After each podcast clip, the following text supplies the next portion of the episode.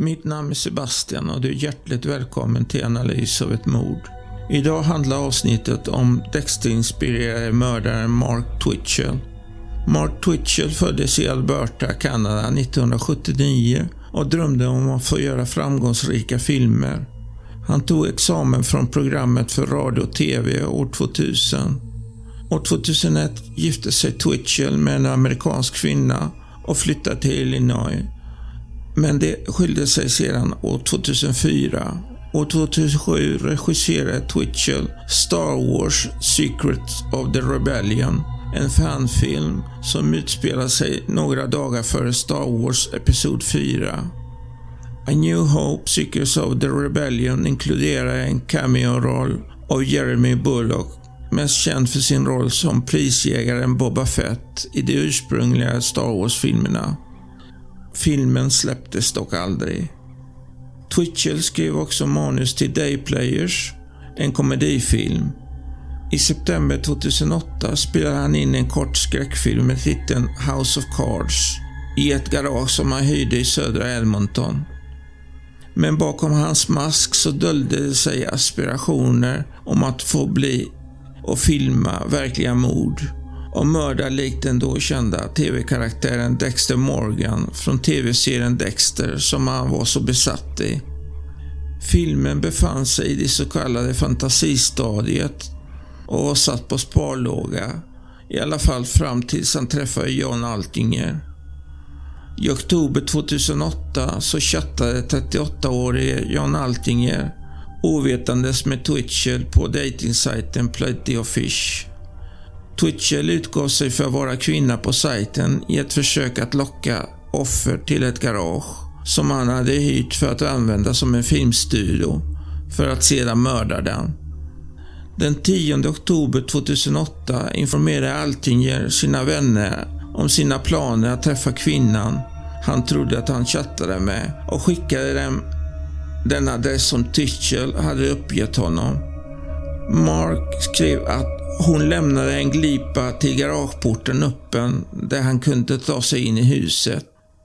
Vid Altingers ankomst till garaget så tog han sig in genom den smala glipan bara för att genast bli överrumplad och slagen och knivskuren till döds. Twitchell försökte sedan utan framgång bränna kroppen med brännbar vätska som han hade med sig i en grön glasflaska när detta misslyckades skar han upp Altingers kvarlever i bitar och placerade dem i soppåsar som han sedan dumpade i ett avlopp vid en bakgata. Altingers vänner blev oroligare efter att ha fått e-postmeddelande som påstås vara från Altinger, där han hävdade att hans dejt hade tagit med honom på semester till Costa Rica. Twitcher hade tagit sig in i Altingers lägenhet för att skicka dessa e-postmeddelanden. Twitchell skickade också ett meddelande till Altingers arbetsplats där han önskade säga upp sig men svarade inte på begäran om en adress för att skicka Altingers sista lönecheck. Några vänner till Altingers som fann det hela väldigt egendomligt tog sig in i hans lägenhet där de hittade hans pass, smutsig disk och inga tecken på att han hade packat för en resa. En utredning inleddes snart av polisen. Twitchell hävdade att han hade träffat Altinger av en slump. Enligt Twitchell följde Altinger med en förmögen kvinna till Costa Rica och hade ingen användning för sin bil, en Mazda 6. Altinger skulle ha sålt fordonet till Twitchell för cirka 40 kanadensiska dollar. Polisen trodde inte på Twitchells berättelse som beslagtog hans laptop och bil och hittade Altingers blod i bagageutrymmet. Polisen arresterade Twitchell den 31 oktober 2008 och åtalade honom för mord på Altinger. Det viktigaste beviset som presenterades av åklagaren vid Twitchells rättegång för mord i första graden var ett dokument med titeln SK Confessions, vilket stod för Serial Killer Confessions. Dokumentet hade återskapats från Twitchells laptop trots att det hade raderats. Dokumentet började med följande passus. Denna historia är baserad på verkliga händelser. Namnen och händelserna har ändrats något för att skydda de skyldiga. Detta är historien om min utveckling till att bli en seriemördare. Det presenterar en redogörelse för berättarens planering, misslyckade första försök och framgångsrika andra försök att locka en man till sitt garage och mörda honom med falska online dating profiler som bete. Han hade försökt göra samma sak en gång tidigare, men offret lyckades då försvara sig och smita ut. Det fortsatte att, att beskriva processen med att stycka kroppen och försöken att göra sig av med kvarlevorna. Under rättegången erkände Twitchell att han hade dödat Altinger och författat dokumentet, men hävdade att han hade agerat i självförsvar. Han beskrev dokumentet som skönlitteratur baserad på fakta. Som om han medvetet hade planerat Altingers död för att skapa en mer engagerande berättelse. Under rättegången noterades Twitchells intresse för tv-serien Dexter upprepade gånger och hans personliga identifiering med dess huvudperson, Dexter Morgan, en självutnämnd seriemördare. Flera medier kom att kalla honom för Dexter Killer. Ett annat dokument som hittades på Twitchers laptop kom inte med i bevisfilen för juryn att läsa under rättegången det hade titeln A Profile of a Psychopath och det troddes ha skrivits av Twitcher själv. Det är en detaljerad självanalys av personlighet och beteende. Den 12 april 2011 dömdes Twitchell för mord i första graden för Altingers död och dömdes till livstidsfängelse utan möjlighet till villkorlig frigivning på 25 år. Twitchell stod fortfarande inför ett åtal för mordförsök för sitt påstådda angrepp på sitt första offer, en entreprenör inom datorbranschen. Han vittnade om att han lockades med hjälp av webbplatsen Plenty of Fish och förväntade sig en dejt med en ung kvinna vid namn Kina. Bara för att attackeras som en man i en hockeymask och med en elpistol när han kom till garaget som Twitchell hade hyrt. Efter en våldsam kamp lyckades offret fly men rapporterade inte attacken till polisen. Offret hävdade att han inte hade rapporterat attacken för att han var generad. Gills, som offret heter, fick smeknamnet The One Who Got Away av flera medier. Åklagarna övervägde att väcka åtal för mordförsök efter att ha säkrat en fällande dom för mord i första graden. Detektiver var övertygade om att de hade samlat på sig en mängd bevis och mycket av det avslöjades under mordrättegången.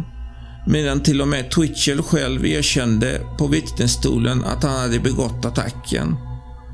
Vid förberedelsen av målet för rättegången hade åklagaren argumenterat i domstolen för att mordförsöket och mordet i första graden skulle höras samtidigt eftersom det var en del av samma händelse det vill säga att han hade försökt bli en seriemördare.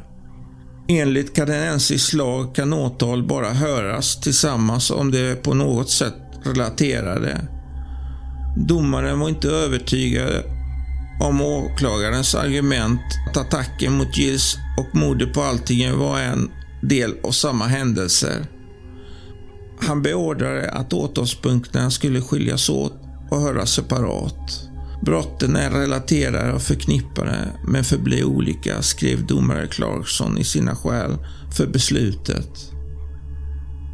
Som ett resultat kan åtalet för mordförsök inte stå på samma åtal som mordet eftersom det är två olika händelser.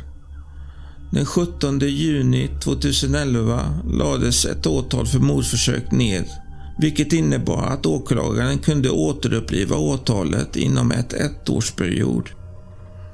Eftersom hans fällande dom för mord i första graden säkrar ett maximalt straff, livstids fängelse, utan möjlighet till villkorlig frigivning på 25 år, fanns det ingen anledning att fortsätta med fler åtal och åtalet för mordförsök lades slutligen ned. Omfattande mediebevakning av fallet skapade debatt både inom och utanför rättssalen. Observatörer argumenterade för och emot medias rapportering om de mer sensationella detaljerna i brottet. Innan rättegången sökte åklagare och försvaret omfattande publiceringsförbud och försegling av polismaterial, vilket hindrade medierna från att rapportera detaljer om fallet tills juryn skulle höra det under en framtida rättegång. Medierna bekämpade ansökan, men domaren gick med på både en försegling och ett publiceringsförbud och sade i sitt beslut att det finns en verklig risk att förhandspublicitet kommer att underminera den åklagarens konstitutionella och skyddade rätt till en rättvis rättegång. Jurytillsättning genomfördes sedan genom en utmaning av orsakprocedur för att avgöra om en potentiell jurymedlem hade påverkats av medierna före att publiceringsförbudet skulle ha trätt i kraft. När förbuden hävdes närvarade och rapporterade en stor mediemängd rättegången. Efter hans fällande dom i första graden använde Twitchell den omfattande mediebevakning av hans fall som grund för ett överklagande. Han argumenterar i sitt överklagande att mediernas uppmärksamhet kring mitt fall var så omfattande och så uppenbart sensationslystnad att det är oskäligt att förvänta sig att någon jury skulle ha förblivit oberörd av det, oavsett domarnas instruktioner i anklagelsen. Han övergav dock sitt överklagande 2012. I december 2012 intervjuades Michael C. Hall, skådespelaren som spelade Dexter Morgan, och Twitchell kom på tal. Hall sa att han inte tyckte att Dexter glamouriserade seriemördare. Jag skulle inte sluta göra Dexter bara för någon var fascinerad av det bara på det sättet. Jag försöker tala om för mig själv att deras fixerade natur skulle ha gjort det på ett eller annat sätt. Men det verkar som om Dexter hade något att göra med det och det är skrämmande. I januari 2013 rapporterades det att Twitcher hade köpt en TV till sin fängelsecell. Twitcher sa att han hade kommit ikapp med varje avsnitt av Dexter som han hade missat sedan han arresterades och dömdes för mord. Även om jag inte har tillgång till Twitchers medicinska eller psykologiska journaler rapporteras det under hans rättegång att ett dokument med titeln En profil av en psykopat hittades på hans bärbara dator. Detta dokument troddes ha skrivits av Twitchell och presenterade en detaljerad självanalys av personlighet och beteende. Dock bekräftar endast existens av ett sådant dokument inte nödvändigtvis en klinisk diagnos. Twitchells handlingar, inklusive planering och utförande av ett mord, liksom hans försök att manipulera och lura andra, delar vissa egenskaper med psykopati. Psykopati diagnostiseras vanligtvis av en psykiatriker med användning av etablerade kliniska kriterier och det är viktigt att notera att göra en diagnos utan en ordentlig utvärdering är inte lämplig. I allmänhet kan personer som döms för allvarliga brott, särskilt våldsamma, uppvisar drag som är förenliga med olika psykiska störningar. Men det är upp till en psykiatriker att genomföra en omfattande utvärdering för en korrekt diagnos. Men det här Copycat-mordet har på liknande sätt inspirerats av tv och film som i fallet med Scream-mordet. Bara att Twitchell var 10 år äldre och mer mentalt utvecklad än den vid normalgraden. För att planeringen var ungefär lika barnsligt utfört. Så varför begår Copycats mord? Enligt min egen åsikt så är det som i en reklamfilm på TV för någon produkt. En sådan vill man ju ha, men i dessa personers hjärnor så är det andra saker som triggar en. För psykopaten så slutar empatin där i samma sekund som tanken på att istället begå ett grovt liknande brott som deras så kallade hjälte. Jag är ingen psykolog, men jag skulle vilja påstå att kicken är nästan detsamma för dem. Jag måste bara göra det, helt utan konsekvenstänk eller större grad av planering. För att även om karaktären Dexter planerade sina mord till perfektion så var det ju också fiktion och inte verklighet. Jag skulle vilja påstå att de flesta seriemördare blir så exalterade av bara tanken att de inte har någon längre planering. Ta bara fallen med Ted Bundy eller BTK-mördaren som mall. Ju längre du kommer undan med något, desto mer självsäkra och salvigare blir de. Och till slut glömma den lilla saken som i slutändan sätter dit den. Vi kommer att ta upp fler copycats längre fram. Tack för att du lyssnade till årets sista analys av ett mord.